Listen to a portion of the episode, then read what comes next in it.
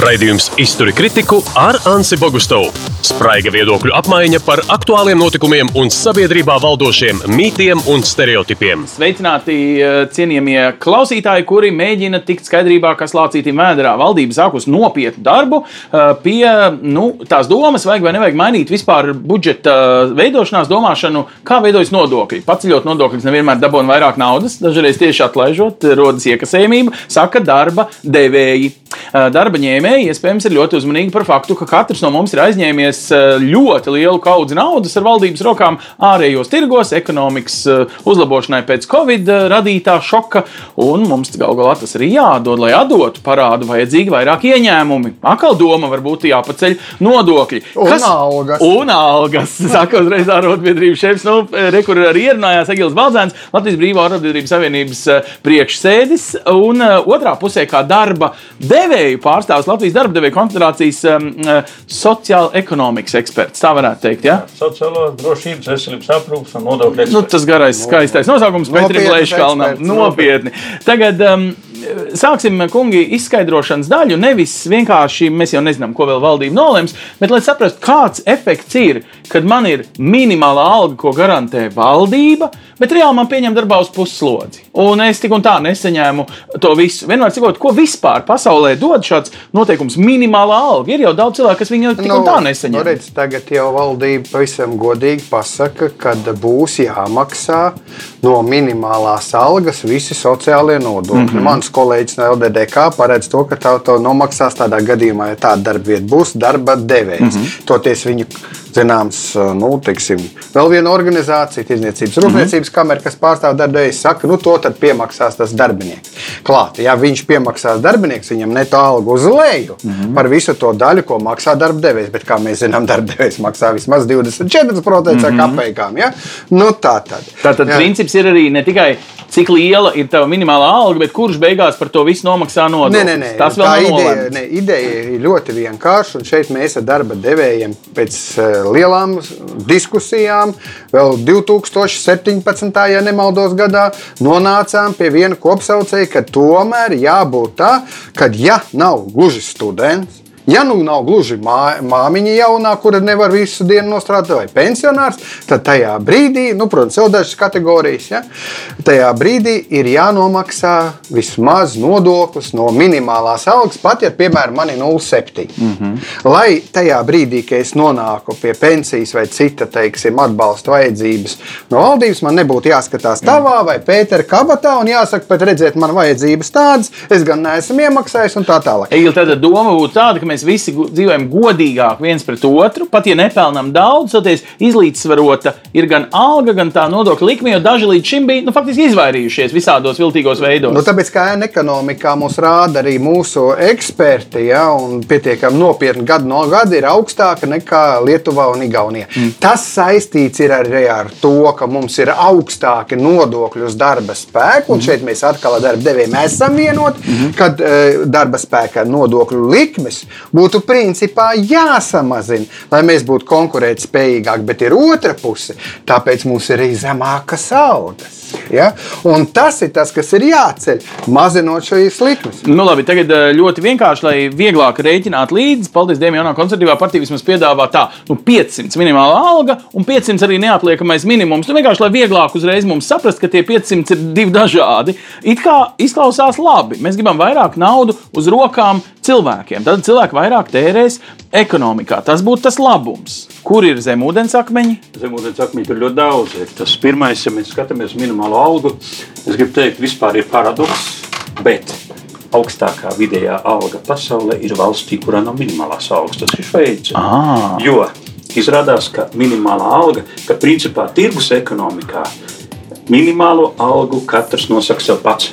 Pa nozarēm, teiksim, celtniecībā viņi ir tik es eju ah. strādāt pat tik. Vienkārši tas ir zem mana goda, iet zemāk. Es, es, gribu, es gribu tik un tik, un, viss, un es neeju strādāt zemāk. E, tā lieta, ka tirgus ekonomikā ir tā saucamais darbojas, tā saucamais piedāvājuma pieprasījuma likums. E, ja darba devējs piedāvā mazu algu, būs ļoti maz pretendentu uz tām vietām, un viņš dabūs diezgan švaks darbinieks. Mhm. Ja darba devējs piedāvās lielu algu, viņam būs konkurss Un viņš atlasīs labākos. Un te ir tad, kad tādā krustpunktā, piedāvājuma pie, pieprasījuma krustpunktā veidojas alga. Izklausās ļoti liberāla pieeja. Ja? Tā tad visu nosaka tirgus. Un tad, ja valsts ievelk šajā mehānismā iekšā vienu līniju, zem kuras tas pājot apakšā, tad vairs nedrīkst būt.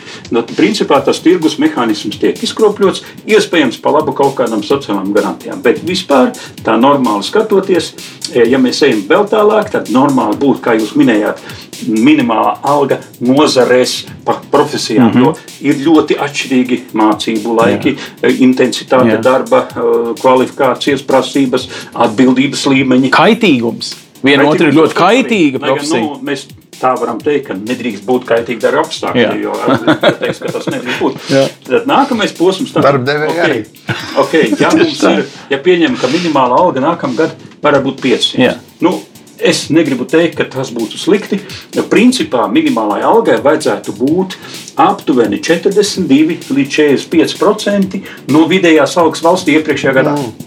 Tas ir tas normālais līmenis.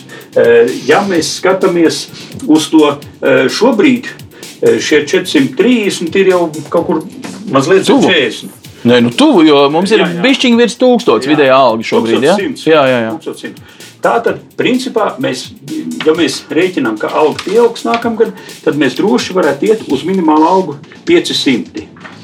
Otrs jautājums par to, jūs teicāt, ka nu. palielināt neapliekumu minimumu līdz 500 IKP piedāvā. Neparedz, ja jaunās konservatīvās partijas piedāvājums neparedz palielināt neapliekumu minimumu līdz 500. Kā? Viņi tāpēc, ka, tāpēc, ka vienam viņi prasa, viņi prasa, ka vienam cilvēkam neapliekami ir nulle. Jā. Un otram ir varbūt eh, šobrīd ir 300, eh, viņi saka, vajag 500. Viņi prasa diferencētā, neapliekamā minimuma augšējās robežas paaugstināšanu. Tas ir absolūti kaut kas pavisam cits. Jo, ja mēs skatāmies uz diferencēto neapliekamo, tad šobrīd pie vidējās algas cilvēkam, ja viņam ir 1100, pie vidējās algas neapliekamā nav gandrīz vairs nemaz. Jā. Jo robeža vispār pie 1200 ir e, neapliekamais nulle. Nu, proti, progresivitāte ieslēdzās. Ja? Nu, viņš, jau ir, viņš jau ir tā saucamā netiešā mm -hmm. progresivitāte, diferencētais neapliekamais ieslēdz automātiski. Un kur ir problēma? Problēma ir tā, ka viņš visvairāk palīdz personām, kuras ir ar pilnu darbu spēju Jā. un bez apgādājumiem. Un valstī it kā nezināmu iemeslu dēļ saņem aptuveni 500 eiro mēnesī brutto. Tātad faktiski tā nav izlīdzināšana. Uh, nu, tur, kur visu laiku Latvijai pārmet pēdējos gados starptautiskās organizācijas un paši mēs sev, ka mums ir viena no lielākajām atšķirībām starp nu, bagāto un nabadzīgo uh, sabiedrības daļu, ka mēs nekādi uh, nespējam to atrisināt. Tad šis piedāvājums viltīgā veidā it kā to risina reāli nemaz. Nē, nē, patiesībā viņš vēl vairāk nerisina. Jo, redziet, kas ir, ja mēs skatāmies 2006. gadā, kad pēdējo reizi tika mainīts sociālā nodrošinājuma pabalsts, viņš tika noteikts toreiz 45 lati, kas mm -hmm. ir 64 mhm. eiro. Toreiz no minimālās algas saņēmējs, eh, persona, kas saņēma minimālo algu, eh, uz rokām pēc, ja viņai nebija bērnu, tad viņi uz rokām saņēma tieši 100 eiro un 20 centus. Mm. Šī, šī, šī, šī. Savukārt, tātad šis sociālā nodrošinājuma pabalsts, kas ir bāze invalīdu sociālajām garantijām, un bija tobrīd arī bēr, eh, bez vecāka gādījuma mm. palika bērnu mm. sociālajām garantijām, un minimālo pensiju bāze bija 64% no tās summas, ko saņem minimālās algas mm. saņēmējs bez bērniem, bez apgādības mm. esošiem bērniem. Šobrīd tā summa ko saņem eh, minimālās algas saņēmējs bez bērniem, ir 366. Sociālā nodrošinājuma pabalsts vēl aizvien ir 64 eiro. Mm. Tad jūs saprotat, ka patiesībā tā nabadzības plaisa starp tiem, yeah. kuri var sevi nodrošināt, mm. kas ir personas ar pilnu darbu spēju, un tiem, kur tomēr ir pēc definīcijas un pēc valsts obligātiem pienākumiem būtu valstī jānodrošina, viņi ir pieaugusi nenormālā apmērā. Tātad ar šiem instrumentiem, kas ļoti skaisti skan, patiesībā valsts ir atrāvusi sev līdzekļus. Mm. Tiem, no tiem mērķiem, kas ir valsts uzdevuma finansēšana, obligāti mm -hmm. veselība, drošība, Jā. izglītība, sociālā drošība, no tā nauda ir atrauta, uzdāvinot šiem cilvēkiem, it kā viņi iet mm -hmm. ekonomikā, lai gan, ja tā nauda būtu, būtu iedota tiem, kam mm -hmm. viņi pienākās, tas ir sociālai mazaizsargātām grupām, viņi tāpat iet ekonomikā. Labi, no vienas puses dzirdu, Pēters to visu analizē un pat uztrauc, ka tas raisa nevienlīdzību, ne, no... bet no otras puses dzirdu arī, ka ļoti daudz ko darba devēji nu, faktiski izsit atpakaļ, kā to labumu, ko valdība paspēja atņemt darba devējiem. Piemēram, ieviesa progresivitāti, jo tev ir lielāka alga, jo tev nu, lielāks arī nodokļu sloks vai tam līdzīgas lietas, lai izlīdzinātu. Reāli no, pēdējos gados es redzu, ka nu, nāk atpakaļ nu, šis nevienlīdzības no, realitāte. Sliekšņi ir diskutējami, bet mēs varbūt neiegrimsim tagad uh, progresīvā nodokļu ienākumu nodokļu sistēmā. Atbildēsim uz to, ko jau Pēteris runāja. Nu, piemēram, viņš minēja, ka minimālā alga principā valstī nav jā, jānosaka, jo to Šveice. Šveicē tiešām tā alga sistēma ir mm. tāda, kā viņš teica. Mm -hmm. Bet es paņēmu vienkārši Merkeli. Es biju arotbiedrību kongresā. Merkels mm -hmm. kundze vienmēr uz uh, DGB arotbiedrības kongresu nāk, vienmēr ir bijusi kā uh, valsts kanclere. Ja? Un viņa vienā brīdī skaidri un gaiši pateica, kādus gadus, septiņus atpakaļ, mm. ka mums ir jānosaka, gribi vai negribi. Neatkarīgi no tā, ka mums uzņēmuma līmenī, mm. nozares līmenī, ģenerāla vienošanās ir šīs tarifu likmes jānosaka zem. Kāpēc? Jo. Tāpēc, ka Vācijā plūst kaut kāds darba spēks, kas absolūti neiekrīt ne tai uzņēmuma koplīgumā, ne tai nozares ģenerāla vienošanā, kas nosaka to minimālo algu, mm -hmm. un viņš ir ārpusē. Un viņš vienkārši dempingo un samazina tos ienākumus, kas ir vācu darbiniekiem, un rada to, ko sauc par negodīgu konkurenci starp eh, uzņēmējiem. Būtībā slavenajā ir... godīgajā sabiedrībā Vācijā negodīgumu atvedam nu, mēs, Austrumēropas strādnieki, kas konkurē ne, ne ar lielajām algām, gatavi saņemt mazāk. Ne tikai, ne tikai Austrumēropas, arī citi var būt no turienes. Tas teorētiski var būt no Spānijas, kas nedaudz vairāk nekā Austrumēropas, mm. tas var būt no Portugāles, tas var būt no mm. Grieķijas mm. un tā tālāk. Bet es tikai rādu to pašu principu, Jā. un tad viņi pateica, ka nē, tomēr mums vajag, kas zemāka ka nedrīkst. Jo tādā gadījumā mēs jaucam to darba tirgu un arī vēlmi maksāt nodokļus. Bet, Klau, Otrs, Egil, bet toreiz šī bundeskanclere, uz ko tu atsaucies, bija vienā koalīcijā ar sociāldemokrātiem, kas ļoti viņai spieda. Nu, viņa bija spiesta pateikt to. Pateikt precīzi. Viņi ieviesa 15. gadā. Līdz 15. gadam viņiem bija ļoti skaists atalgojuma līmenis. Un 15. gadā e, tas bija nosacījums kā pie kristīgiem demokrātiem piegāja klāt sociāldemokrāti. Tas Jā. bija obligātā Jā. viņa prasība, un tikai tāpēc Merķela gāja. Izpildīja vēlēšanu solījumu. Es jau varu godīgi pateikt, ka, protams, koalīcijas veidošana arī Vācijā ir sarežģītāka, mm. bet daudz vienkāršāka nekā pie mums. Jo mums nav tā Piec, situācija, ka divas partijas tur kaut ko tur sāk bloķējas. Otrakārt, ja mēs paskatāmies uz Vācijas sociāldemokrātu un kristīgo demokrātu programmatiskām atšķirībām sociālajā politikā, Mazā. nu, tad mēs tur redzēsim divus, trīs IKP procentus uz vienu vai uz otru pusi. Bet, bet, bet, pagaid, pagaid, bet tad, kad tu man Nē, saki to, tad man ir tomēr pabeigt. Es zinu, ka tev ir daudz ko teikt, bet es te reku paņēmu. Jā. Tas ir Eurostata dati par Vāciju, cik saņem Vācijā teiksim, darba ņēmēji no iekšzemes koprodukta mm -hmm. 52,9%. Paskatāmies, cik Latvijā 47,9%. 5 IKP, 5 IKP ir vairāk nekā pusotra miljārda. Jā. Un nu, tas nu, tad... pusotrs miljards, ja tiktu godīgāk pārdalīts, kā arotbiedrība man saka, viņš izlīdzinās sabiedrības. Ne, mums ir uzreiz jābūt godīgam pret Pēteri, jo viņš pārstāv darbu, man nevajag, teiksim, nekādu negodīgu pārsvaru. Tā doma ir pavisam vienkārša, ka Vācijā, protams, darba devējiem ir nedaudz vieglāk. Tur ir stiprākas darba devēja organizācijas, mm. kas pūlās pa visu pasauli, mm. noiet pakalpojumiem, precēm un tā tālāk.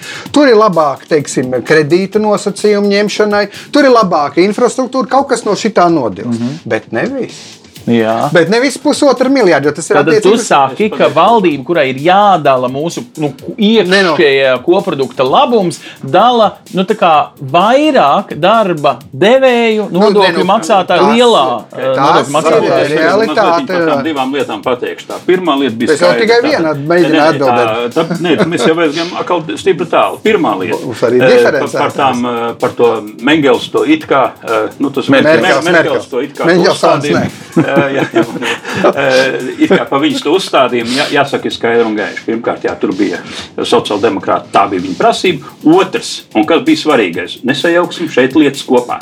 Attiecībā uz to, ka Vācijā varbūt kāds var iebraukt iekšā un, un, un pateikt, ka es strādāšu pa, pa 100 eiro mēnesī, tas varēja tā būt. Attiecībā uz Latviju. Latvijā, Latvijā ir obligātais noteikums. Tikko mēs, ja kāds uzņēmējs importē uh, strādnieku no trešajām mm -hmm. valstīm, mums ir nevis minimālā viņam jāmaksā, bet vidējā. Nozares un, vidējā. Un, līdz ar to, mīļo cilvēki, šeit tas arguments par to, ka Latvijā tādēļ kāds nodempingota nav. Ja mēs atkal skatāmies uz šo pārdali starp, eh, starp tiem miljardiem un, un visiem, jo tie miljardi skaisti cipari, man, man, man, man gribētos tūkstoši miljonu. Ka, Tik, no, miljonu, no tūkstoša no miljonu. No, no miljarda es, es labprāt kaut kā dabūtu, bet nu, tie cipari skaisti. Tā problēma ir tāda. Mēs saprotam divas atšķirīgas lietas. Vācija, ja nemaldos, 71 miljonus. Vai tas nav vairāk? 61 miljonus, jā. Tu domā, iedzīvotāji vai darba, darbinieki? Rietumvācija, 61 ah, miljonus iedzīvotāju. 90. gadā mm -hmm. sajiet kopā Ar 17 miljonu nāk klāt. klāt.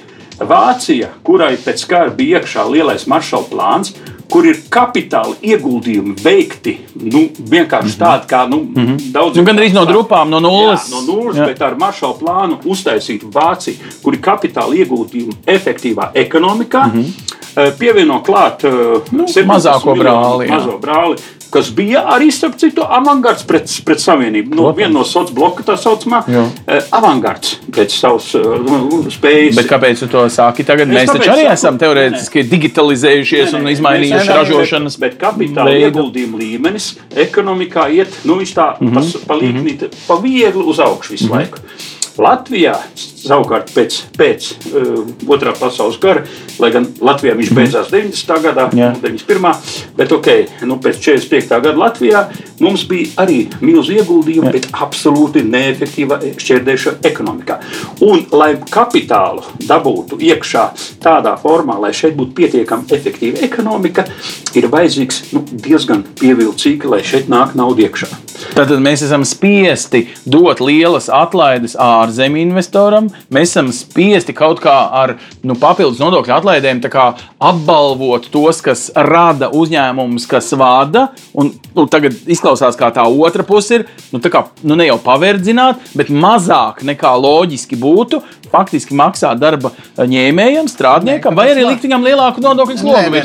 Nemaksā mazāk. Nav, nav, nav. Viņi, Viņi maksā vairāk. Mazāk. Viņi maksā vairāk, lielie ja investori. Pagad, tu man saki, viņi maksā mazāk, Nē, tu vairāk. Tagad investi, tagad ir... Tāpēc, kad investors ienāk, ja tas ir piemēram kaut kāds, kas nodarbina, piedodiet, latgalēs šuvējs, tad viņš varbūt tā kā viņš saka mazāk. Mm -hmm. Ja ienāk liels uzņēmums Latvijā, viņam ilgstoši bija programma, kas nozīmē, ka viņam tik un tik gads ir lielas nodokļu atlaides, ja viņam bija piemēram 10 mm -hmm. miljonu ieguldījumu. Tas ir, lai piesaistītu šo kapitālu. Jā, jā, jā, jā, jā, jā, par to iet runa. Ja? Tātad... Un tāpēc viņi praktiski, lai atkal saņemtu savus darbiniekus, kā minimums 5 vai parasti 10% lielāks algas. Kā tā viņš dabūs ienākot tirgu, ja es maksāju tāpat? Es jau ilgi ar savām ražošanas jautājumiem stāvēšu pusgaitā. Es taču neatpelnīšu. Man ir jāpārvilina darbinieki. Tad tu tā tad... saki, ka šī paudze nu, kura ir vēl ārotbiedrībās, kura ir šis darba uh, gaitas vēl padomju savienībā sākušās un šobrīd jau varbūt tuvojas kaut kādai sapnim par pensiju, ka viņš principā ir nu, izmantots no vienkārši ekonomisko pārēju puses. Un, nu, viņam vienkārši jāsaprot, ka viņš es... samaksāja proporcionāli vairāk nekā arī nākotnē, piemēram, viņa bērni ne, samaksās nodokļu ne, nu, likmē. Tur ir daudzas lietas, ja tu man tā saki. Ja. Es domāju, tad mums vienkārši jāpaskatās eh, par to lielo brīnumu, kas nav noticis nekur pasaulē. Nu, pavisam vienkārši, ka mums bija Padomju Savienībā tāds sociāls strahs, kas bija Maskavā, un mēs vienā brīdī paziņojām, ka mēs esam visu mūžu maksājuši tai Maskavai. Un, un, un, un praktiski sākām savu pensiju sistēmu no nulles. Visā Lietuvā, Igaunijā, Latvijā. Kas tur vienojās ar Jeļcenu Tallinā? Es tur nesaukšu nevienu vārdu, un nav man neviena arī tāda dokumenta, ko rādīt. Bet es saku, ja mēs sākam pēkšņi no nulles visu savu sociālo budžetu. Tas bija liels pārkāpums. Padomā, vai pavisam vienkārši, vai Francija pret Kamerūnu tā izturējās, vai Kamerūna, piemēram, kaut ko teica tādu. Nu, tā kā ja? bijušā okupējušā Jā, jā, vara, nu, ja man atdodot Parīzē, atpakaļ, Parīzē ja? piemēram, būtu bijusi nauda, vai tad Kamerūna to nebūtu dabūjusi? Būtu. Vai tad Mozambika nedabūtu no Portugāles? Bet Būtu. kā tu vari tik droši apgalvot? Varbūt, Kā? ka visas okupācijas varas ir tikai okupācijas varas. Nu, Nu, Vienalga, vai viņiem ir demokrātisks Nē, vai nu, kāds, nu, kurš dos citiem naudu. Pagaidiet, pagaidiet, bet tas jau arī notika. Tāpēc ja mēs sākām savu sociālo budžetu no nulles. Nu, labi, un tagad, ja, ja mēs paņemam šo tavu argumentu, Tas ir viens vai aspekts, kas ir jā, svarīgs. Bet vai ir pienācis mirklis, tavuprāt, valstī šodien, eh, 15 vairāk gadus kopš esam Eiropas Savienībā, 30 gadus kopš esam brīva republika, darām kā gribam, kā varam, protams. Vai ir pamats? Tagad skatīties pēc Vācijas kaut kādiem priekšrakstiem un dabūt to vidējo temperatūru, kā jādara, vai darīt pa savam, vai turpināt vēl krāt galu galā arī šo kapitālu, kas jāpiesaista, lai radītu nu, jaunu valsti. Nē, nu, kapitāls ir e, jāpiesaista, jādod ir arī priekšrocības vietējam kapitālam, ne tikai ārvalsts. Jo Ārvalsts kapitāls te iegulda, mm -hmm. ved ārā peļņu. Paskatieties, mm -hmm. veselu virkni komercbankas ļoti labi strādā, regulāri izved miljonus, kas īstenībā varētu būt tik jauki ieguldīt mm šeit. Tā mēs nodrošinām Skandināviem ļoti labu senioru dzīves apstākļus un tā tālāk, jo viņi ir atkal tie, kas ir ieguldījuši zināmas savas sociālās iemaksas šajās bankās, tur ir viņu pensiju fondu un tā tālāk. Mums tas viss ir jāskatās tā pavisam mm konkrēti un, un konkrēti. Tā pašā laikā, ko mēs teiksim, esam ar darba devējiem runājuši, mums šobrīd nevienas nacionālās bankas nav. Ja? Un īstenībā būtu pareizi, ja mums arī būtu kāda komercbanka, ne tikai Altums, kas kaut ko jau drusku paplašinām, paplašinām tās iespējas viņiem atbalstīt arī uzņēmēju darbību. Bet es gribēju atbildēt vēl par to, kas saistās ar to diferencēto neapliekamo minimumu. Tā tēze par to man ļoti patīk, ka mēs atsakāmies. Mm -hmm. Bet tā kā tā ir liela summa, ja mēs atsakāmies no diferencētā, mēs arī uzmanīgi paskatāmies. Tas nozīmē jau ko. Ja mēs šobrīd, nākamajā gadā, sakām, tagad visiem vienāds neapliekamais, tas mm. ir apmēram 150 eiro. Tas nozīmē, ka tiem, kuriem šobrīd 250 nevis iet uz augšu, mazliet, bet tie ir arī cilvēki, kas ir pašvaldībās, valsts mm -hmm. uzņēmumos, kur visus nodokļus reāli mm -hmm. maksā. Ne tikai tur, kur ēnekam, mm -hmm. mēs viņiem samazinām. Tad viņi ienākumus. izjutīs to kā drīzāk uh, Samazinājumu. No samazinājuma skaidrai Jā, naudai. jā, vai tas trāpa arī ēna ekonomikai. Es domāju, ka tas būtu zināmā mērā pareizi. Un, ja mēs runājam par to ēna ekonomiku, nav tā, ka Latvijā tikai ir. Piemēram, mēs ar darba devējiem arī noslēdzām ģenerālu vienošanos būvniecības nozarē. Un vācu arotbiedrības klausījās mutu paplētuši, ka mums ir pat darba laika uzskaita lielajos objektos un no kāda sliekšņa viņi ir. Tā kā nav tā, ka Latvija visur būtu kaut kur jākopē. Mm -hmm. Vācija, vācieši arī var skatīties, bet jāsaprot, ka būvniecība patiesībā ir viena nozare, kur gan Vācijā, gan Latvijā ir ne tikai vietējais darba spēks, bet arī pavisam cits darba spēks, kurš arī visu laiku ir pat nelegāls un tā tālāk. Un tā tālāk. Tas nav tikai Latvijā, arī Vācijā. Un tāpēc ir ārkārtīgi svarīgi uzmanīgi rīkoties gan valsts līmenī, nosakot zemāko līmeni, ja uzņēmumā, kā finieris, var vienoties Latvijas finieris, spēcīgs uzņēmums, augstākiem standartiem, nodrošināt sev augstāku darba ražīgumu, kvalificētāks darbinieks, tad ir baigi labi, ka viņš mm. to var un um, iet uz priekšu kā tāds nu, uh, reāls, teiksim, uh, uzņēmums, kas attīstās ne tikai Latvijā, bet arī Igaunijā, Lietuvā, Somijā un es domāju, pēc brīža citur, bet viņš arī stāda uzdevumus. Ja viņš jau sasniedz 70% no darba samaksas Skandināvijā pēc pirktspējas paritātes standarta pievienotām cenām, tad viņa uzdevums jau ir 80. Un cerot, tur jau ir tā visa lieta. Un es šeit mūsu darba devējiem ir pilnīgi skaidrs, ka nevis tās mazās algas ir tas, uz ko, bet mums ir jāskatās, kā tās algas normāli aug, jo mēs nevaram nepārtraukt piegādāt cilvēkus citām Eiropas mm. Savienības valstīm, izskolot, izaudzināt, pēc tam nosūtīt un gaidīt paciņu no turienes vai naudas Tas būtu pārdošanas. absurdi. Par, par tām uh, interesantām lietām, tas diferencētais Jā. neapliekamais. Kas šobrīd notiek? Eh, Tā, tā lieta ir ļoti interesanta. Lai cilvēkam samaksātu 366 eiro uz rokas, mm -hmm. tas ir tātad minimāla alga mm -hmm. personai bez apgādības esošiem citiem. Nu, Jā. bez bērniem. Nu, vienkārši vientuļnieks. Viens jā. pats, pilnu darbspēju, lai viņam samaksātu, darba devējs samaksātu 366 uz rokas, kas ir minimāla alga, ja? mm -hmm. no 430 atpakaļ. Mm -hmm. Darba devējiem nodokļos ir jāsamaksā nepilni 170 eiro. Mm -hmm. Lai iedotu vēl 366 uz rokas, darba devējiem jāsamaksā nodokļos jau 511. Nu, vienkārši tā diferenciācija tā. ir ar tādu Viņa pieaugumu, iedod... ka nevienam nav izdevīgi pielikt pie algas šobrīd. Ne, kad, kad vienkārši ir uh, ekonomiski sarežģīti pielikt pie algas, jo tā, uh, jo, jo, un saprotiet, kā, kā notiek. Ja? Pārāk zemu esam noteikuši to slieksni, pie kura tu jau esi bagātnieks vai saņem labu algu. Jo nu, nekāda unikāla alga jau tā nebūtu. Divreiz 360. 200, divreiz 366 tas pat nav vidēji alga valstī. Ne? Nu, Bet, lai samaksātu divreiz 366, eh, nodokļos jāsamaksā trīsreiz vairāk. Turklāt, ja mēs vēl paskatāmies, ka um, sociālā apdrošināšana, kā Baldzēna kungs jau sacīja, patiesībā ir uz darbinieku vērsts maksājums no darba devēja, tad tīrie nodokļi nodokļi, kas ir sabiedrības vajadzību mm -hmm. tā, valstī. valstī nu, patiesībā iedzīvotāju ienākumu nodoklis ir 8% aiziet pašvaldību. Nu, lai tu piedalītos savas kopienas uzturēšanā, zināmā tādā mm -hmm. lab, lab, labturīgā situācijā. Mm -hmm. No minimālās algas cilvēks bez apgādājumiem ar pilnu darbspēju maksās 16 eiro. No divreiz 366 mm -hmm. rokas cilvēks samaksā 162 eiro. Tas ir desmit reizes vairāk nodokļos tikai par to, ka divreiz vairāk saņem lielāku algu. Tātad tas sloks sanāk tā, darba devējam neizdevīgi celt algas. Izdevīgāk ir paņemt divus uz minimālo algu, nevis vienam efektīvam samaksāt eh, nu, divreiz minimālās algas normālu likmi, labi strādās, labi jā, pelnīs. Jā, tā, tā problēma ir tādā apstākļā, ka tas veidojas apmēram tā, ka labāk ir divi uz puslodzi mm. nekā viens uz pilno slodzi. Otrs moments absurds. ir, tas ir absurds. Otrs, šāda sistēma veicina lētā darba spēka ekonomiku un aploksņa ekonomiku. Nu, ja?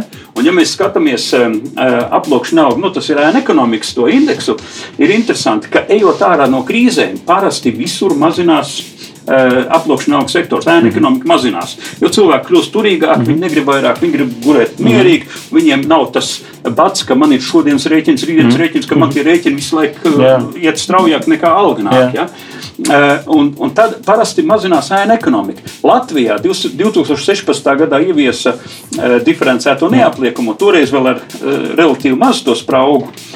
Bet kopš 2016. gada Latvijā pilnīgi pretēji jebkādai loģikai auga arī ēna. Kāds ir noslēpums? Kāpēc? Nu, tieši tāpēc, ka lab, kad, kad ir lēti samaksāt mazu algu mm -hmm. un nu, pielikt aploksnītē klāt patiesībā.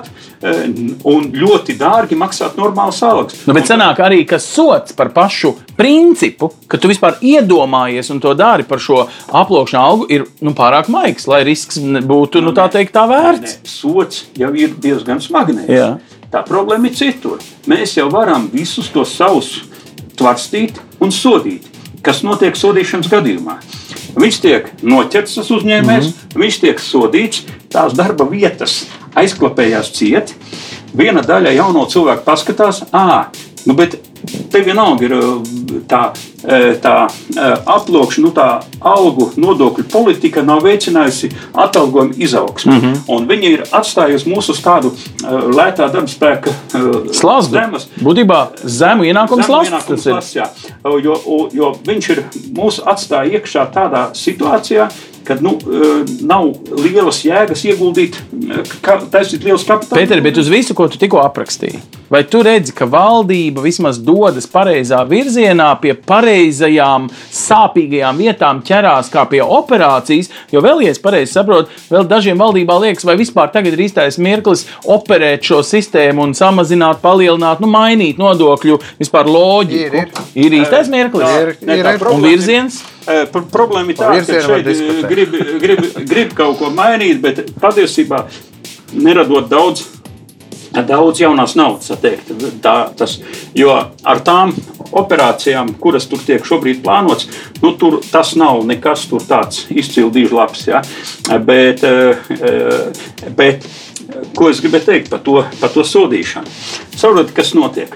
Nosoda, novāc tās darba vietas, jaunie cilvēki skatās, ar citu man tik labu nav. Yeah. lai es kopā dabūtu tik, cik es iepriekš dabūju pie viņa ar minimālo plus aploksni, ko viņš dara? Viņš brauc prom. Un mūsu valsts lielākā problēma ir demogrāfija, mm. jo tīri mm. demogrāfijas uh, dēļ 90. gadu zemās dzimstības Protams. mums tagad katru gadu nāk iekšā darba tirgus vecuma grupā, nu, kas ir apmēram mm. 20, 22 gadi, mm. Uh, reālā vecuma mm. grupa. Mums nāk par gandrīz pat 10 tūkstošiem mazāk nekā no darba tirgus iziet ārā. Jā, bet te ir viena lieta, ļoti nu, tā ir trešdaļa no, no nu, paskaties, mēs esam pieķēruši jā. ļoti daudz uh, ēdināšanas uzņēmumus, kas pirms pandēmijas krīzes jā tika pieķerta ar konvertālām. Kurš tur ir nobrucis, kurš ir aizbraucis? Ja? Tās iespējas, protams, tādas ir, bet viņas ir vairāk teorētiski, jo mēs neatradīsim daudz.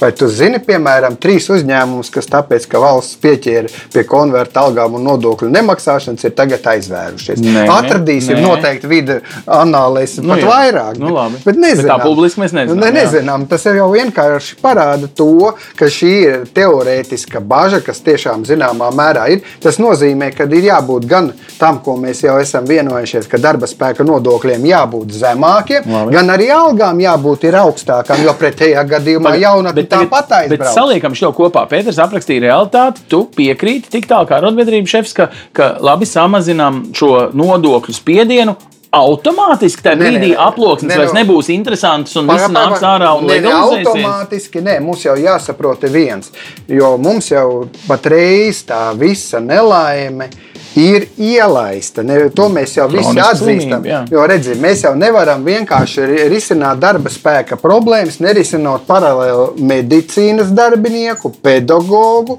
un iespējams arī kultūras darbinieku lietas. Ja? Un te jau parādās tas viss dubults svars. Ja, kāpēc mums ir sarežģītība? Tātad mums no vienas puses ir jādomā par to, kā mēs šobrīd varam nu, teiksim, rēķināties ar tiem darbiniekiem, kurš saņem minimālo algu un nedaudz vairāk, ja, un tiešām saņem to nav konvertāls. Tā kā mēs varam vilkt ārā cilvēkus no ekonomikas, un te nav citas iespējas, kā domāt par darba spēku nodokļu masas samazināšanu, bet tādā veidā mēs atbrīvojam arī tai darba algas kāpumam iespēju.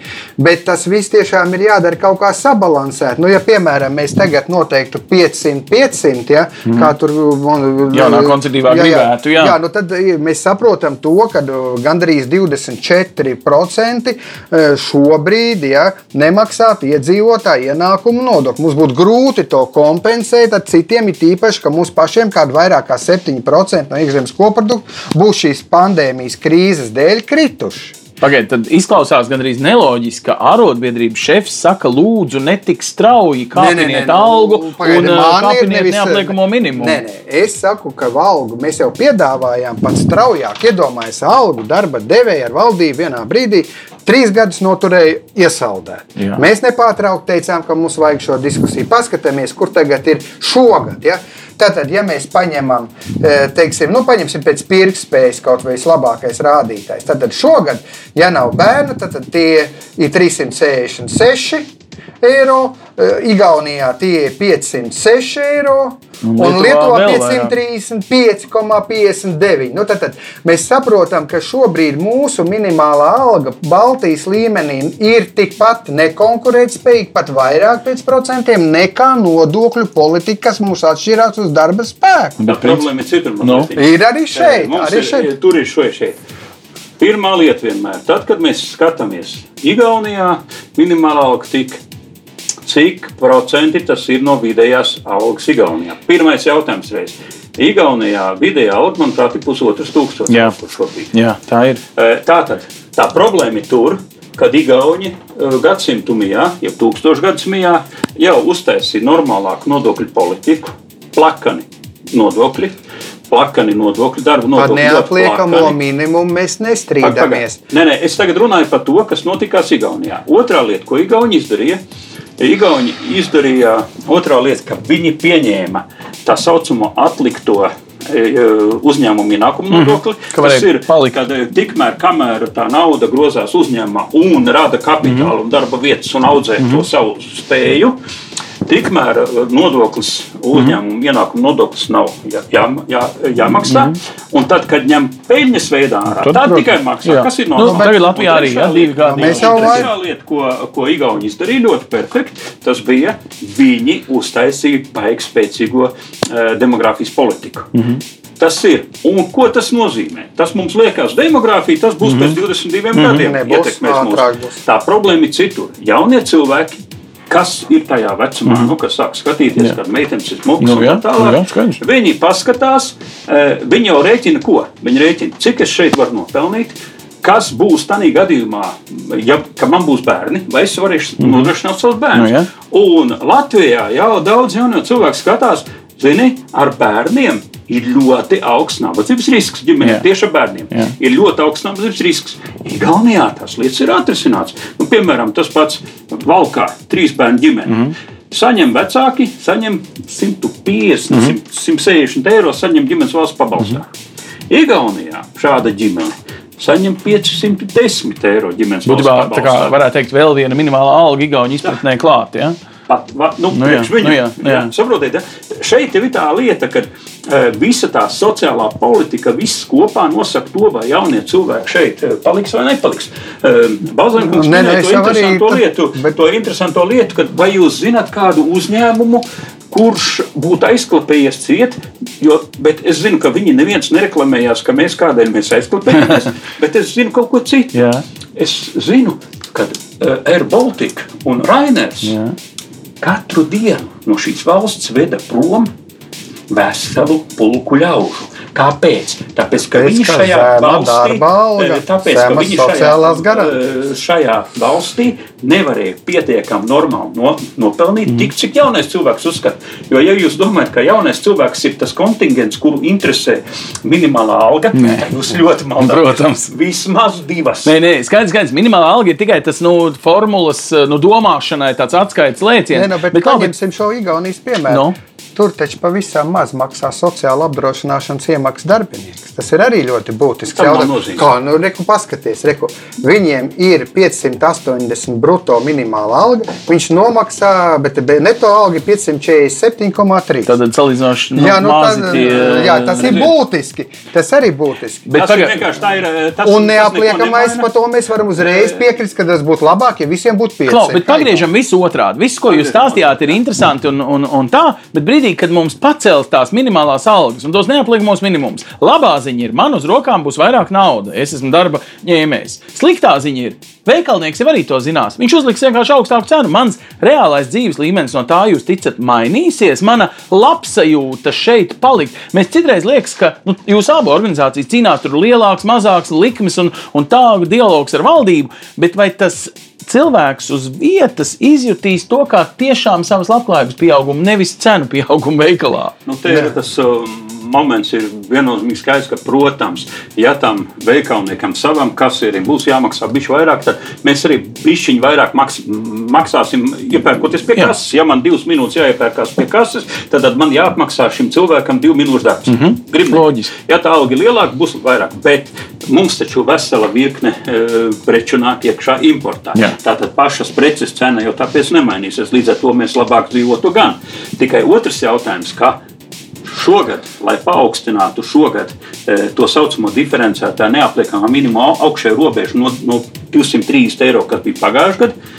Uz 300 eiro, kas ir šogad, un kas tiem cilvēkiem, kam nav apgādājuma, un kur neskaidri iemesli dēļ strādā par minimālu algu, e, palielināja ienākums par 14 eiro.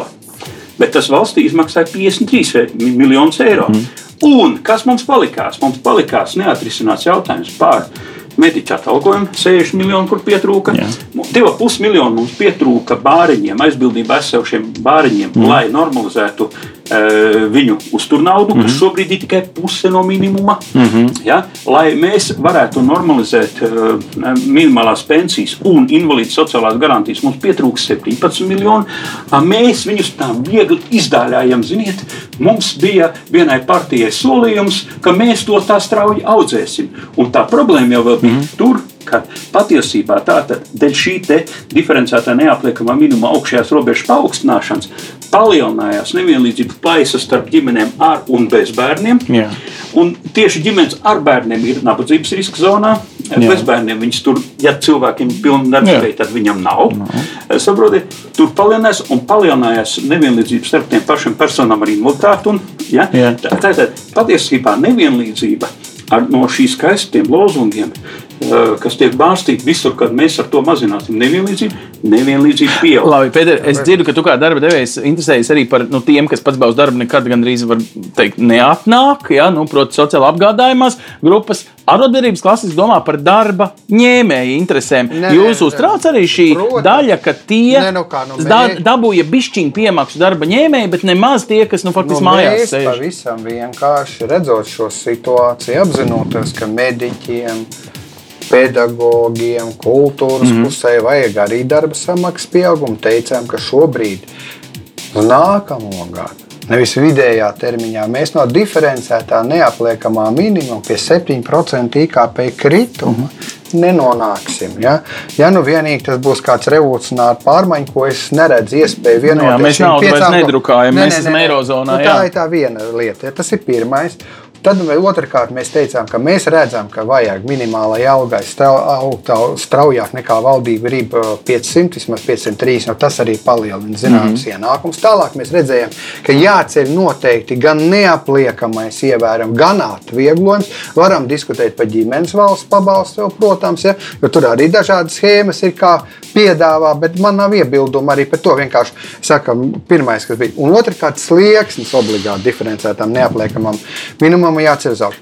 Bet, ja mums prasītu to, ka mums nebūtu šī 7% krituma, ja, ja mums būtu, teiksim, tā kā bija pagājušā gadā, kad mi- dalīja vairāk nekā 814 miljonus patiesībā budžeta mm. -hmm. laikā, tad mēs varētu arī prasīt šo diferencētu. Bet tad sanāk tā, tas, ko viss tu man attiecināšu saki, visiem. Egīl, tad sanāk, mēs te vēlmi domāšanā būvējam, kā būtu godīgāk sadalīt vēl kaut ko, reāli aizmirstam, ka mums ne tikai 3% pieaugums nesanāks, bet vēl 7% samazinājums. Tad būtībā mēs gan arī var teikt, nu tā pārspīlējot par desmit Nē, nu, tiesu savelkam nu, jostu. nē, Tad nē, nē. ko mēs vispār varam atļauties Nē, nu, darīt ir savādāk? Divas lietas, kas mums ir jādara. Mums neskatoties uz šo brīdi, kad, kā mēs redzam, iet lielas palīdzības programmas. Tā skaitā no Eiropas komisijas, no tās aizņemtas naudas un tam līdzīgi. Ja mēs paskatāmies tos cilvēkus, kas ir aprēķinājuši, cik aizgājuši darbiniekiem, viņi ir diezgan maz. Uzņēmums noturēt arī svarīgi. To mēs nenoliedzam. Vai tas būtu dzelzceļš vai ar Baltiku un tam līdzīgi. Bet tajā pašā laikā mums jāpaskatās uzmanīgi, cik mēs aizejam uz to, lai sniegtu palīdzību cilvēkiem. Tā skaitā arī daudz bērnu ģimenēm, Vienalga, vecākiem. visiem. Cik aiziet, teiksim, tīri uzņēmējdarbības atbalstam. Tad šitas ar tomēr ir jāskatās. Jo patreiz mēs redzam milzu disproporcijas šajā ziņā. Es jau vēlreiz saku, ka tiešām uzņēmumi ir jādod. Tās ir darba vietas. Bet mums šajā brīdī ir jāskatās uz to, ka neskatoties uz šo, mēs varam un mums vajag iet uz priekšu gan minimālās algas paaugstināšanā, gan nodokļu slogas samazināšanā. Un mēs varam diskutēt vienīgi par to, cik. Un tad ir vajadzīgs tieši sociālo partneru, sadarbības partneru viedoklis, kas šobrīd, pie tā brīža, kad ministra kabinetā sēdes notiek attālināti, ja, ir diezgan grūti. Mēs esam centušies sasaukt sēdes, atkal viņas ir attālināti, mēs izsakām savu viedokli. Bet īstenībā, kamēr koalīcija eh, savu lēmumu pieņemot, pirms tam nav iepazinusi to, ko saka gan arotbiedrības, gan darba devēji, ir ārkārtīgi grūti pieņemt gala lēmumu. Viņi vispirms pieņem gala lēmumu, kas ir grūti, kā kāršu mm. namiņš mm. sastiķēts, izņemam vienu kārtiņu ārā, namiņš brūk. Tas mums neder. Tas mums Jūs neder. gribat būt vairāk iesaistīti, jūs Nē, nē, nu- esat sociālie partneri un abi. Nē, vai nē, tā, tā būtība ir tāda, ka es jau nesaku, ka mēs tagad darba devēju un arotbiedrības nodiktēsim, bet viņiem pirms viņa gala varianti izšķirās. Viņiem ir obligāti jāzina tie argumenti, ko sakām mēs un otra puse, sociālā Jā. partneru puse. Ja? Un tad viņiem ir jāpieņem, bet diemžēl viņiem viņi nu, parasti vēl- vēl ir tik viņi sarežģīti. grib, tāpēc viņi nevar jūs uzklausīt. Nē, nē, nu, protams, viņi beigās sastiķēja kaut ko ar lielām pūlēm, un tad tad jau tur ir grūti kaut ko mainīt. Un, ja mēs kaut ko izdodam, tad tā ir detaļa. Un tā detaļa būtība nemaina. Mēs atkal varbūt kaut ko uzlabojam, bet tas ir tāpat kā es, piemēram, mašīnu nokrāsoju, bet Ne, motors jau no tā Bet- nemainās. Un netika salabots, jā, un, un reāli jau uz priekšu brauc motors, nevis krāsas uh, izšķir. Uh, tagad vispār ir pareizais mirklis kaut ko būtiski mainīt brīdī, kad jebkura izmaiņa, nu, piemēram, apsolot un sākot maksāt lielāku algu, taču būtībā nozīmē jauni budžeta izdevumi ne tikai šajā, Bet bet arī jau kā. Apsolījums nākamajam. ieņēmumi. Ah, okay, no tā viedokļa ir jādomā. Akcijas arī. Labi, nu tad, bet, bet sakiet, tagad, jo mums ir krīze. mēs visi zinām, ka mums ir gan aizņēmuma daļa, jāiegulda kaut kādā attīstībā, gan arī, arī grantu Un tad, kad mājās ir krīze, tad es pārēju uz, teiksim, tā, nu, lētāku pārtiku. Tad es nu, sāku taupīt uz kaut kādām izklaidēm un, un papildu. Jā, vienkārši jautājums ir, vai šobrīd valsts var atļauties kaut ko būtiski mainīt tajā, kas, starp citu, no nodokļu sistēmas, kas nesen tika mainīta, ir iestrādājis cik trešo gadu tikai strādā Es valstī. gribu teikt, tā, ka mēs varam, mēs, Latvijas iedzīvotāji, varam kā kopums varam patērēt to, ko mēs iesviežam pasaules kopīgā ekonomikā. Mm -hmm. Tas ir savu Nu daļu. protams. Un tā daļa mums ir ieg- saucās iekšzemes koprodukts, un viņš šobrīd ir tur plus mīnus 30 miljardi. Mm -hmm. Un šobrīd ir tā, ka no tiem 30 miljardiem uh, nu, uh, tie 20 ir tieši, nu, uh, tieši tiek, uh, tiem cilvēkiem, kas viņus rada un kas nodrošina, ka to var radīt. Un, nu, 30% nu, apmēram 10 miljardi nonāk, pār, tiek pārdalīti caur budžetu. Jā. Un mēs te varam ņemties kā gribam un gribēt neapliekamos minimumus tādus un šitādus un vēl kaut kādus. Un mēs gribam, es gribu personīgi algu 7000. Un tiešām tas nebūs melots. Es, Super, gribu algu es tev 7000. apsveicu. mēs, varam, mēs te varam gribēt, ko, grib, gribēt, ko gribam. Tā problēma ir tā, ka mūsu tiesa ir 30 miljardi koprodukta. Un tikai. Tas ir tas un tikai.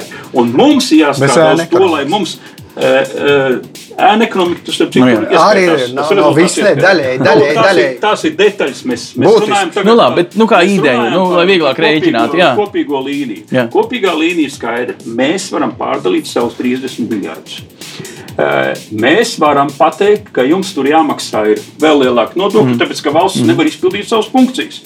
Eh, Mēs varam uz, uzraut augšā, eh, nu, atraujot budžetam milzīgus līdzekļus, Jā. uzraut to savu diferencēto, kā mēs gribam. Jau šobrīd uzrauts nenormālībā ir uh, divseviņi.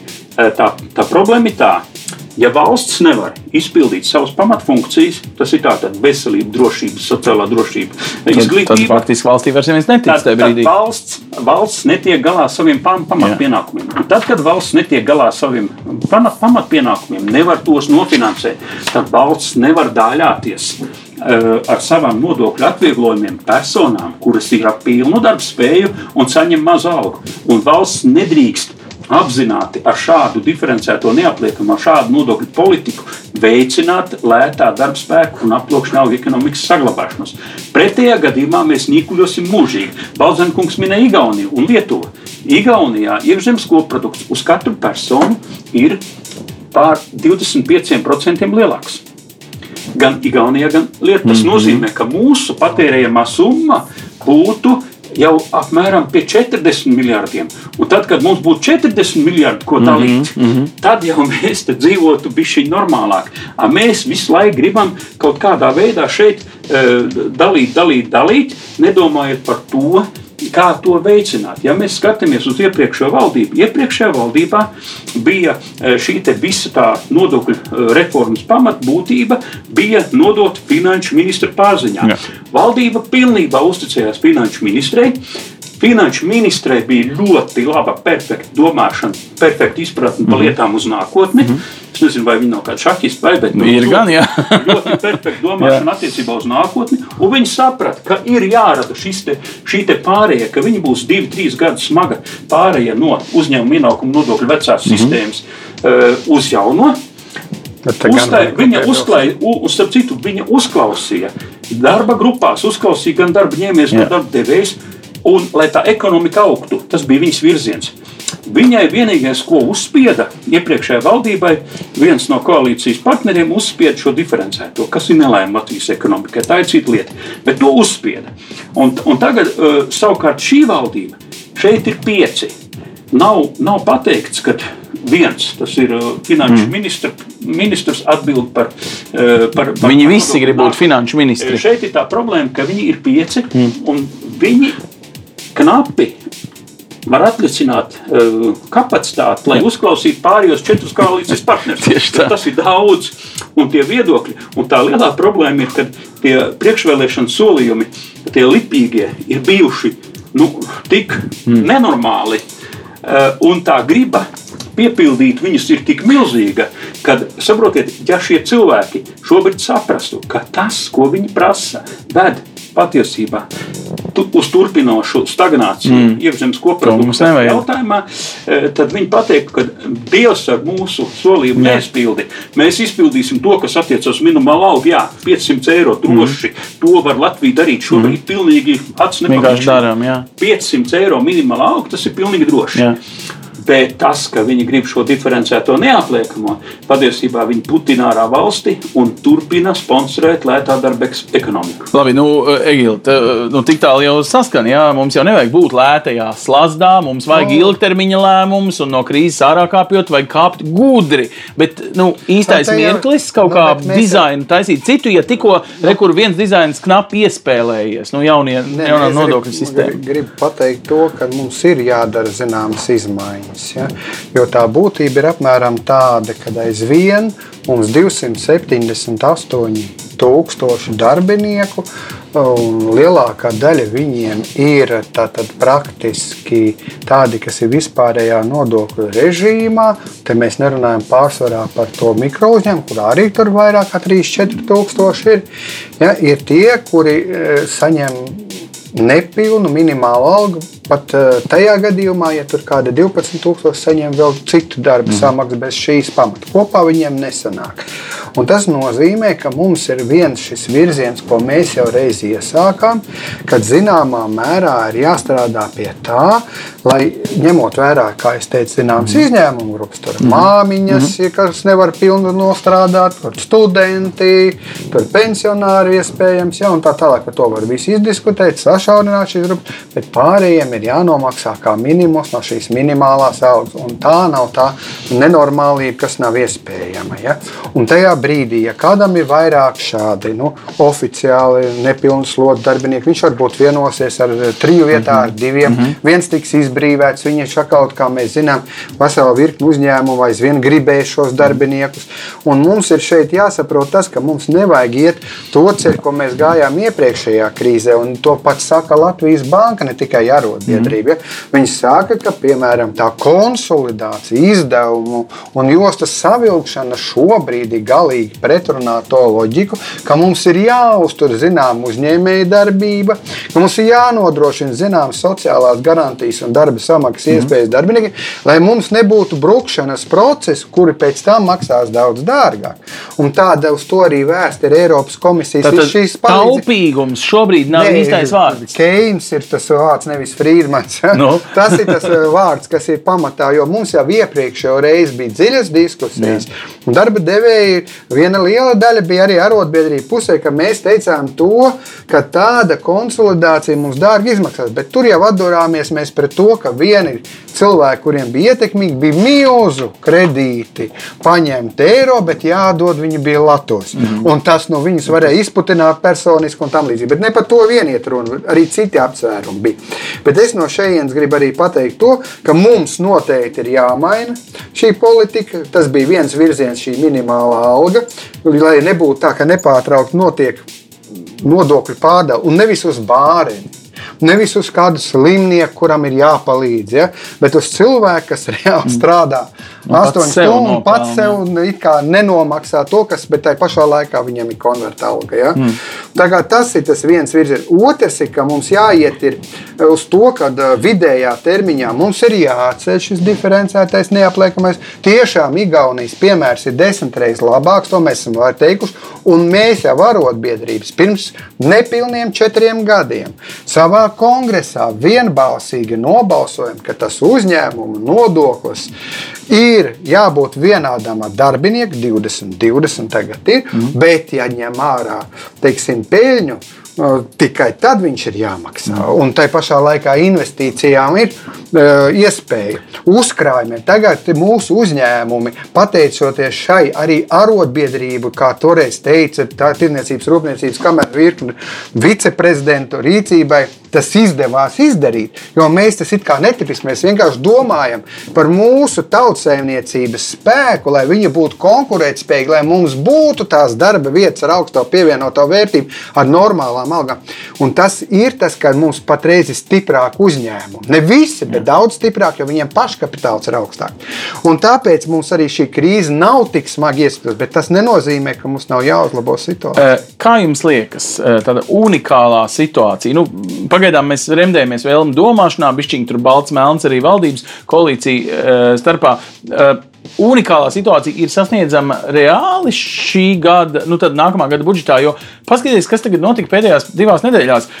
Satversmes tiesa taču pateica uh, vairākās lietās, gan par, es saprotu, ka ne jau liela daļa cilvēku saņem šo gājumī, bet to domāšanu, ka būs ļoti jāceļ šīm sociāli mazaisargātām grupām šis minimums, kas arī tiek nu, rēķināts no kaut kādām minimālām nu, algām.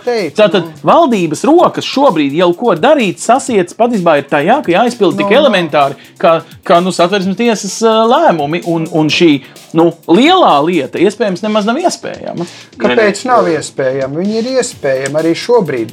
Es jau minēju, mums ir ne tikai mūsu budžeta līdzekļi, kur ir samazinājušies. Mums ir arī atbalsts no Eiropas komisijas, mm. ja, gan grantu, gan arī teiksim, zinām, atdodamu parādu mm. veidā. Un rezultātā mums ir pareizi jāiegulda nauda, bet jāiegulda arī cilvēkos. Jo pretējā gadījumā, ja mēs uz, ieguldīsim uzņēmumos, uzņēmumi vēl nepagūs izdarīt zināmas korekcijas mm. savā izturēšanā. Mums atkal viena daļa jaunatnes, par ko Pēters mhm. aizbrauks, un mums būs lielāki zaudētāji nekā citas valsts, uz kurien viņas aizbrauks. Ja? Nu, labi. nē, nē, nē, nu, te ir skaidra lieta. Es jau minēju, mums ir 30 miljardi. 20 miljardi mēs paši, nu, jā, ir, paši uzreiz notērējam. Nu, darba algas mm. un, un, un, un peļņa izņemtā, kas ir mhm. biznesmeņiem un tā tālāk. Tātad, tātad tā ir tā daļa.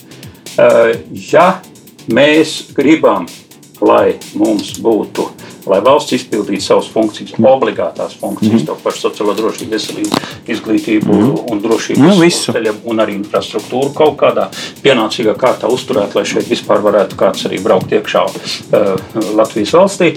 Ja mēs to visu gribam, mums vajag naudu. Valsts budžetā tām nolūkam ir nepieciešami vismaz 12, 13 miljardi. Nu šobrīd budžets ir 10 miljardi. 10, un arī ar, ar, jau ar pieļaujamu deficītu. Labi, mēs te varam runāt par grantiem skaisti, e, tāpēc, ka šogad mums IKP nevis pieaug, bet mm. E, pakritīsies. Nākamgad viņš augs varbūt straujāk nekā cerēts, bet viņš nesasniegs atkal to. Mm. Neizlīdzināsies. Tātad, tātad tas ir tas jautājums, ka šeit mums grib, negrib, nāksies tās jostiņas pišķi savilkt. Un te ir tas jautājums, uz kā rēķina mēs savilksim. Jūs jau minējāt šo te pašu satversmes tiesas nolēmumus, divus, jā. un tūlīt būs trešais. Būs, es, es, es, drīzāk, es varu sadarīt, ka tur arī būs problēmas, tāpēc, mm. ka uh, minimālā pensija Latvijas republikā ir klāja netaisnīga. Mm.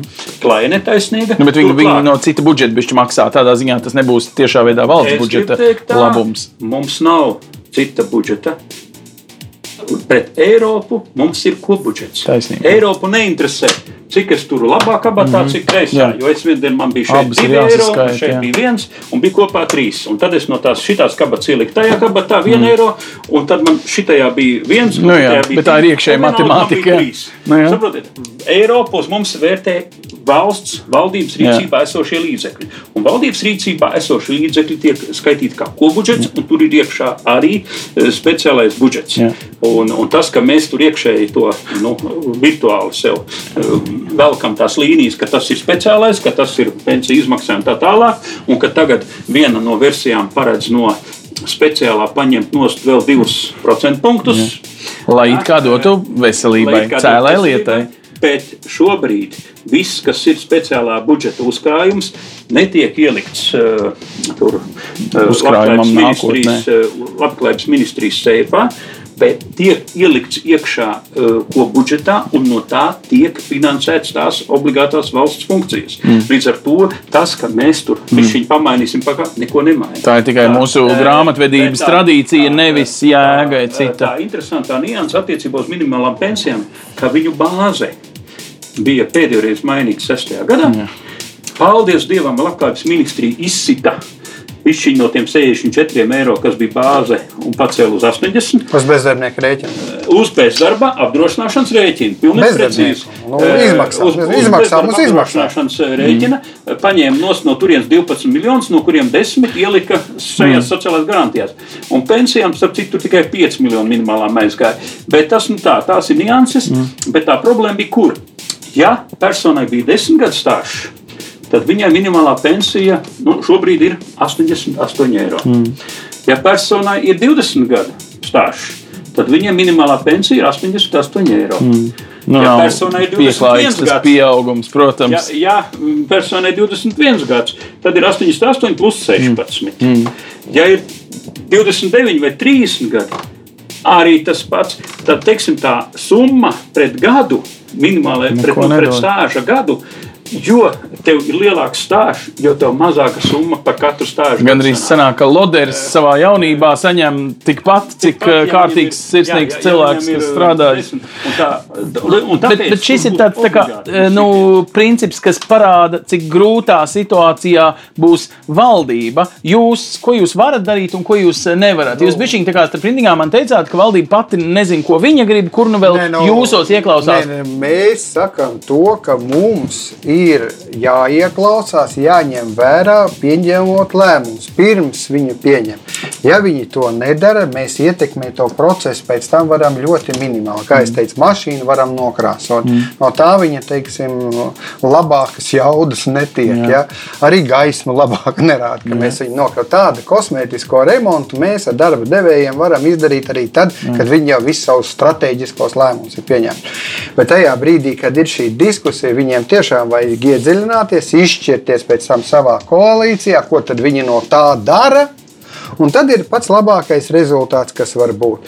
Es eh, arī no šī viedokļa uzskatu, ka patiesībā nav tik traģiski, kā uh, Pēters saka, jo mums jau vienmēr pastāv tā iespēja, ka mums ir gan ēna ekonomika. Nav tā, ka, ja no ēna ekonomikas izņemt kaut ko ārā tā korektā veidā, tad uzreiz visi uzņēmumi tur nobrūk. Mm -hmm. Tur nav tā. Tur ir arī vīrspēļņa un arī nodokļu daļa, ko viņi nomaksā. Nav jau tā, ka visi būtu nelegāli uzņēmumi. Bet katrā ziņā tomēr to īstenībā IKP daļu, kas būtu no mums pakāpeniski jāņem ārā gan motivējot, gan arī ar likumdošanas izmaiņām. Un tas ir viens no tiem veidiem, ko mēs varam izdarīt korektā veidā, neiznīcinot mūsu uzņēmumus. Protams, ja iznīcina, tad viss ir pārspīlēts. To es piekrītu. Es, es, es varu tikai tev to pateikt, jā, kad ja koalīcija šobrīd, valdēm mm. vārdiem runājot, neieguldīs krāsā, mm -hmm bet mašīnas spējā funkcionēt mm -hmm. un funkcionēt ar vien labāk,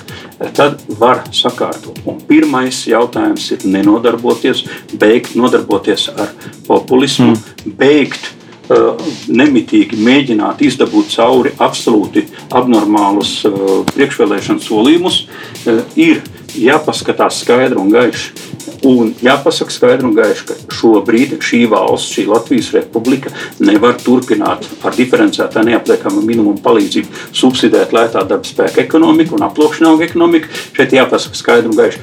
Mēs visiem varam atļauties tik un tik uh, šo neapliekamo fiksētu, vai tie ir 100 eiro uz galviņu vai kā, lai neciestu tie, kas it kā saņem mazāku, mazākus ienākumus. Mm. Tur ir jāpieliek klāt tas minimālā alga līdz 500, lai neviens no tā necieš.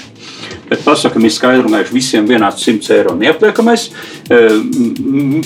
Algas paraujam uz augšu. Mm -hmm. Tanī brīdī beidzās šī šķērs subsīdija uz lētā darba spēka ekonomiku, un tanī brīdī mēs varam sākt iet uz normālo mm -hmm. izaugsmi, lai mūsu koprodukts, šī pārdalāmā manta būtu lielāka. Un tas, ko Balzenkungs saka, ja mēs no tās ēna ekonomikas izņemsim ārā. Es atceros, 2002. gadā bija viena partija, kas bija tāda jauna, laikmetīga, nāca un viņai bija tas ļoti cienījams cilvēks, bija uh, premjerkandidāts. Viņš teica, 400 miljoni mēs izņemsim Latvijas no ēna ekonomikas, kur viņi ir šodien.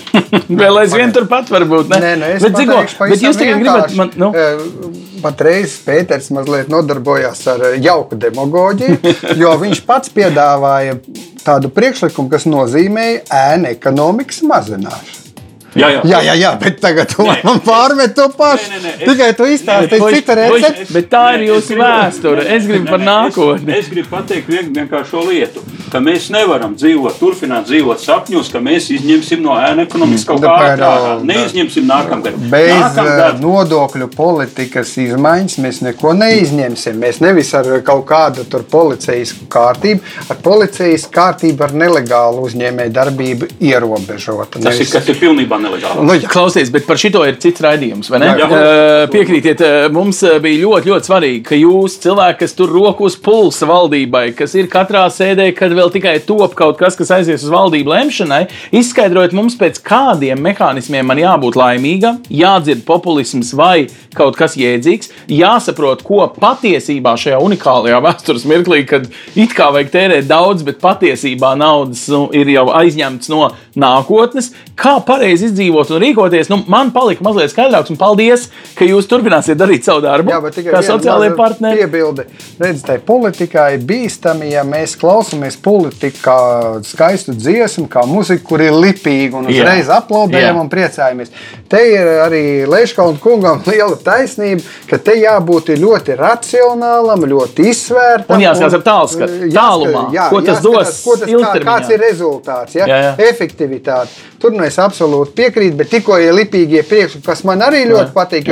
Es arī piekrītu, ka, nu, kā Leiškauna kungam vajadzētu 7000 eiro algu. Kāpēc? Nu, mēs ja viņam būs, tad mums arī būs. jā, ir. Bet, ziko, puiši, nedalām tagad uh, Pētera algu vai mūsu algu. Uh, es saku sirsnīgi paldies, ka jūs man mēģinājāt izskaidrot to, ko ne visi valstī spēj saprast. Ja jums uh, mazliet kļuva skaidrāks, uh, tad lūdzu izmantojiet iespēju padot draugam gan podkāstu versiju, gan uh, dažādi veidi, kā mums sekot uh, lietām, kur mēs mēģinām Latvijā virmojošas problēmas izskaidrot, cik vien var uh, cilvēcīgi. Nu, cerams, ka mums izdevās kaut bišķiņ uh, cilvēcisko to sarežģīto schēmu un arhitektūru, kā veidojas nodokļi, dažādas likmes, ko tās ietekmē cilvēka, kurš saņem, cilvēka, kurš savukārt rada uzņēmumu vai, nu, jebkādā mm, veidā. Tiekamies atkal kādā no nākamajiem redzējumiem, kad mēģinām saprast uh, lietu dabu uh, vai citiem vārdiem caur kritisko paskatīties uz reālo. Uz redzēšanos. Paldies!